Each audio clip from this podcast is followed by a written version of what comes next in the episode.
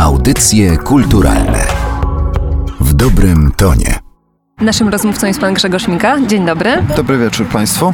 Jest pan architektem, warszawianistą, twórcą portalu poświęconego warszawskiemu modernizmowi, a także, można powiedzieć, autorem mapy poświęconej architekturze warszawskiej odbudowy. Proszę powiedzieć, jak narodziła się idea stworzenia takiej mapy? Z jednej strony pomysł miał być elementem towarzyszącym kolejnej edycji Festiwalu Otwarte Mieszkania, tegorocznej poświęconej właśnie architekturze architekturze lat odbudowy.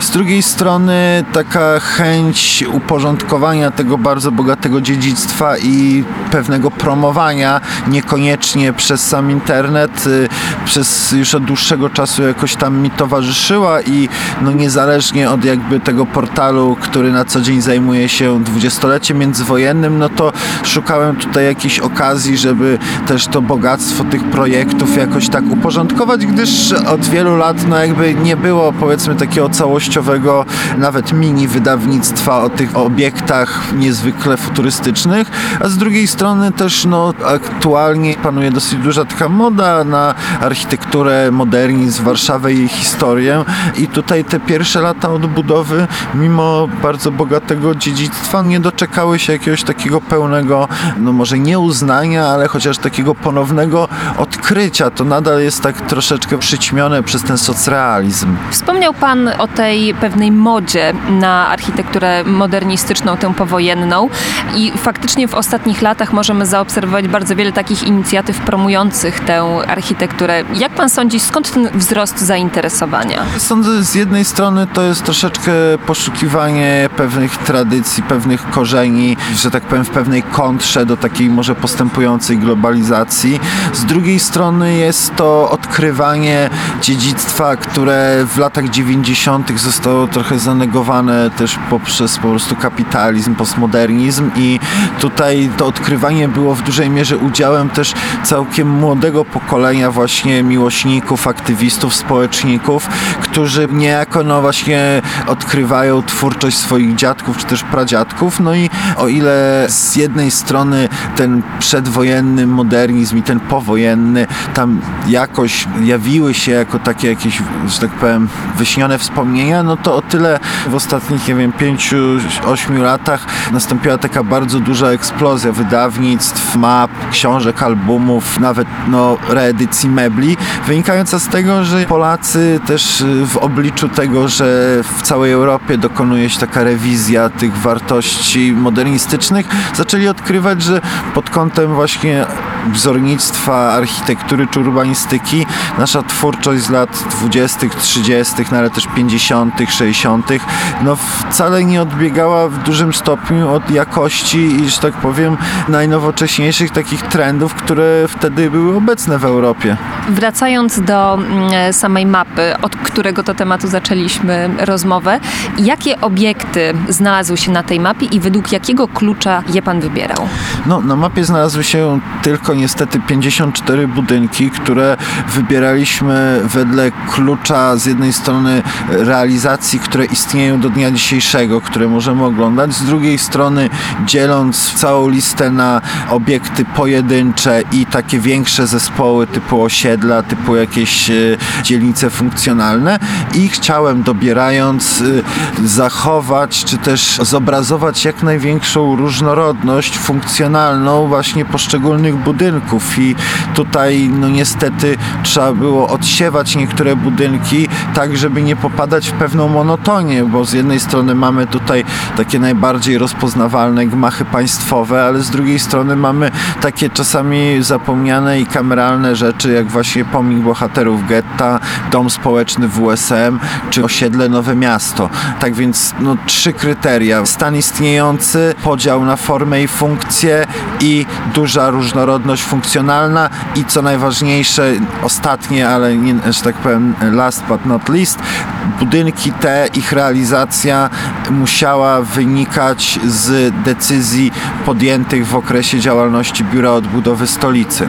Gdzie nasi słuchacze mogą dostać taką mapę? Mapa została wydana przez y, Towarzystwo Opieki nad Zabytkami oddział w Warszawie. Jest też zresztą takim wydawnictwem pro bono, tak więc ją można dostać za darmo. W pierwszej kolejności poprzez kontakt oczywiście z Tonzem, w drugiej kolejności na wszelkich takich imprezach warszawianistycznych, gdzie Tons jest obecny, natomiast docelowo planujemy po prostu zaprosić e, kilka warszawskich księgarni typu, mam nadzieję, Będzmiana, Księgarnia Warszawska, Księgarnia w Muzeum Warszawy, że tam po prostu będą te mapki rozdawane, aczkolwiek nakład tysiąca sztuk no, powoduje, że te mapki mogą przy odpowiedniej popularności dosyć szybko się rozejść, natomiast my będziemy starali się też pracować nad drugim wydaniem, również y, niekomercyjnie dystrybuowanym. Czy może Pan już w tej chwili zdradzić, czemu będzie poświęcona, jakiemu typowi obiektów będzie poświęcona ta druga mapa? Znaczy, druga mapa ma być pewnym prostu rozszerzeniem na bazie tego, co otrzymaliśmy teraz. Chcemy po prostu dokonać korekt, uzupełnić, powiększyć listę, żeby na przykład pojawił się tam jacht klub y, Ymki na Wale Miedzeszyńskim, żeby pojawił się kościół przy ulicy Nobla, czy na przykład jakieś zapomniane biurowce projektu Zbigniewa Karpińskiego przy ulicy Czackiego. Prawda jest taka, że no, jest przynajmniej jeszcze kilkanaście dosyć rozpoznawalnych budynków, które zasługują na uwzględnienie. Poza tym też no, w samej mapie miasta można zawrzeć, zachowując pewną czytelność kompozycyjną, zawrzeć jeszcze pewne dodatkowe elementy opisujące ten schemat funkcjonalny Warszawy, no, stworzony właśnie w Biurze Odbudowy Stolicy po 1945 roku.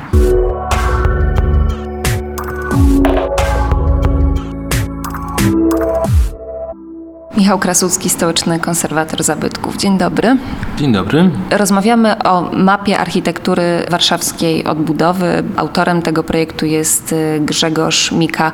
Co pan sądzi o tym wydawnictwie? E, Mapa jest ciekawa, przede wszystkim jest bardzo poręczna. To jest niewielka kieszonkowa mapa, którą sobie można wziąć na spacer i zwiedzać miasto. Większość obiektów jest e, w centrum, niektóre oczywiście też poza.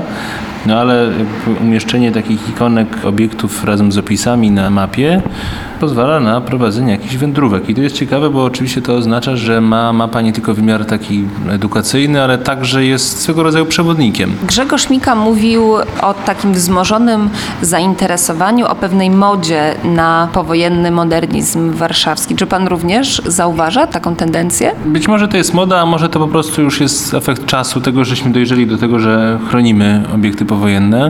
Nie tylko z tego pierwszego okresu do 1949 roku, nie tylko socrealizm, który był później, ale także to, co powstało po 1955-1956 roku. I to, że tutaj znajdują się e, obiekty mm, no, takie choćby jak trasa WZ, czy Centralny Dom Towarowy Smyk, czy choćby Kino Ochota, to oczywiście jest, wydawałoby się oczywiste, bo to są już obiekty, które mają uznaną renomę i są uznane za obiekty wartościowe w skali Warszawy. Natomiast zdarzają się obiekty, które do tej pory nie były aż tak popularne i mało rozpoznane. Na przykład szkoły. Mamy tutaj czy Liceum Bolesława Prusa, czy Szkoła Towarzystwa Przyjaciół Dzieci, czy choćby też budynki mieszkalne, WSM Żoliborz, czy także osiedle Kubusia Puchatka.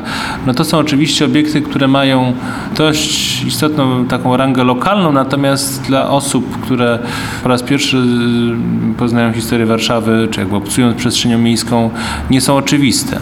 I bardzo dobrze, że ta mapa to wszystko pokazuje.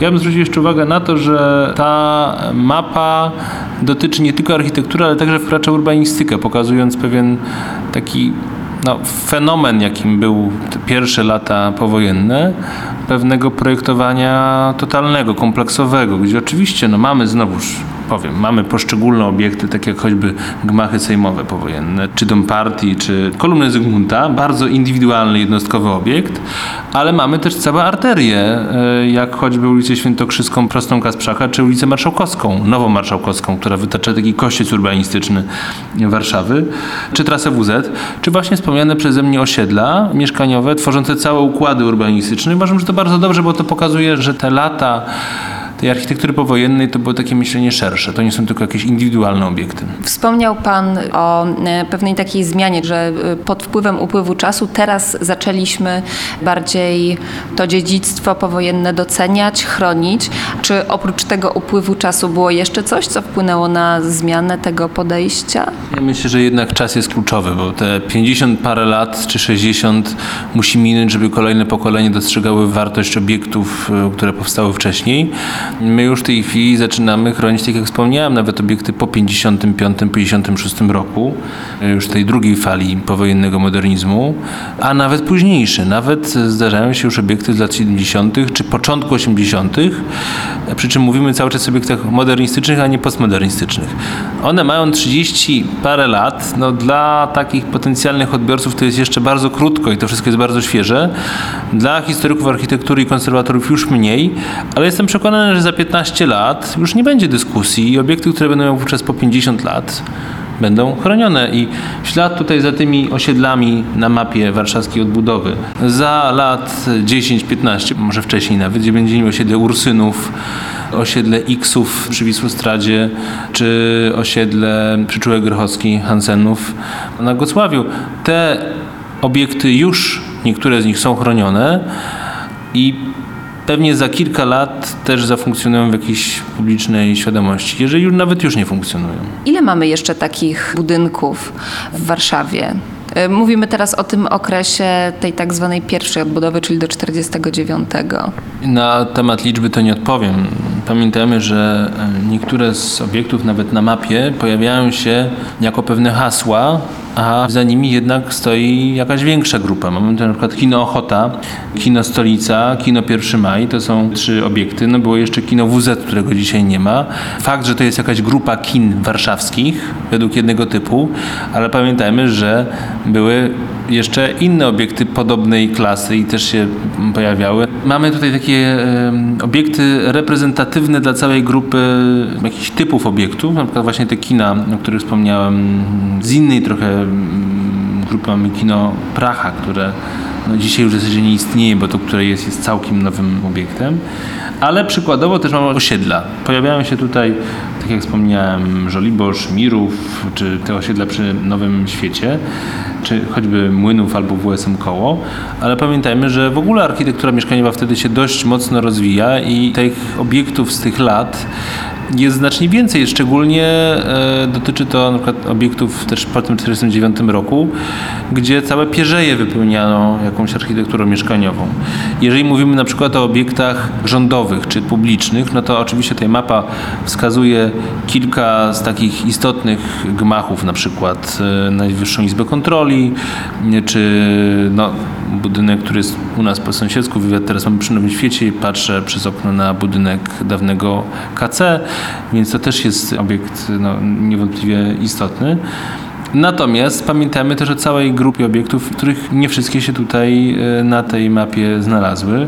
No, na pewno takim brakiem, który będzie zauważalny dla wszystkich, ale też każdy ten obiekt zna. W związku z tym on nie potrzebuje być na mapie, nie potrzebuje być w żadnym albumie, bo on się sam narzuca. Jest Pałac Kultury, który jest pewnym też symbolem samym sobie budowy powojennej Warszawy. Jego tutaj nie ma. Więc y, na pytanie, ile jest takich obiektów, wydaje mi się, że można by się było no długo, długo zastanawiać. Na pewno ich jest dużo więcej niż te 54, które się pojawiły na samej mapie. To jest pewnego rodzaju tylko jakaś wskazówka jak można to czytać. Ja bym tutaj zwrócił na to uwagę też, że mapa tak dość ciekawie rozkłada ciężar, bo mamy rzeczywiście obiekty, które są wyjątkowe i są jakimiś takimi ikonami y, architektonicznymi, no właśnie choćby Centralny Dom Towarowy Smyk, który został teraz e, gruntownie przebudowany, e, czy choćby budynki ministerstw niektóre, Ministerstwo Komunikacji albo e, Ministerstwo Obrony Narodowej, czy choćby Dom Partii, to są takie rzeczywiście obiekty rozpoznawalne od razu, to mamy też obiekty, które się mieszczą w jakiejś masie, czy inaczej. Mapa wskazuje tutaj na pewne grupy całe, na przykład Trakt Starej Warszawy. I pod tym hasłem mieszczą się Obiekty Starego, Nowego Miasta, Krakowskiego Przedmieścia, Nowego Światu, czyli mamy pewną grupę w jakimś kontekście historyczno-urbanistycznym. Ale mam też inny, ciekawszy przykład tutaj z mapy, na przykład dzielnica przemysłowa na Kamionku. I pod hasłem dzielnica przemysłowa e, są kapitalne obiekty fabryczne państwowych zakładów e, optycznych, czy choćby dawnej fabryki motocykli przymińskiej. I to też są czasem perełki same w sobie, tylko jeszcze nie na tyle rozpoznawalne. Ale mapa o nich mówi także w jakiejś w takim kontekście grupy. I to też to grupowanie jest bardzo ciekawe. Dzielnica łacińska, czyli kompusy. UW, WUM, e, SGH, SGGW. To też zwracam uwagę na to, że to też jest nawiązanie do tego, w jaki sposób w trakcie odbudowy myślano o Warszawie jako pewnym organizmie funkcjonalnym. Czyli to projektowanie od jakiegoś ogółu miasta jako pewnego mechanizmu z rozdziałem na funkcje do detalu, jakim jest na przykład ta kolumna Zygmunta, o której wspomnieliśmy. I, I ta mapa bardzo fajnie to pokazuje. Czyli ogólnie polecamy mapę na spacery warszawiakom i nie tylko. Zdecydowanie, natomiast pamiętajcie Państwo, że mając mapę w ręku, dobrze jest e, potem wgłębiać się w poszczególne obszary bardziej, no po to, żeby już poznawać albo historię poszczególnych budynków, albo w ogóle poszczególne budynki, czy jakieś ciekawsze obiekty, czy obszary, które tutaj są tylko zasygnalizowane. Audycje kulturalne w dobrym tonie.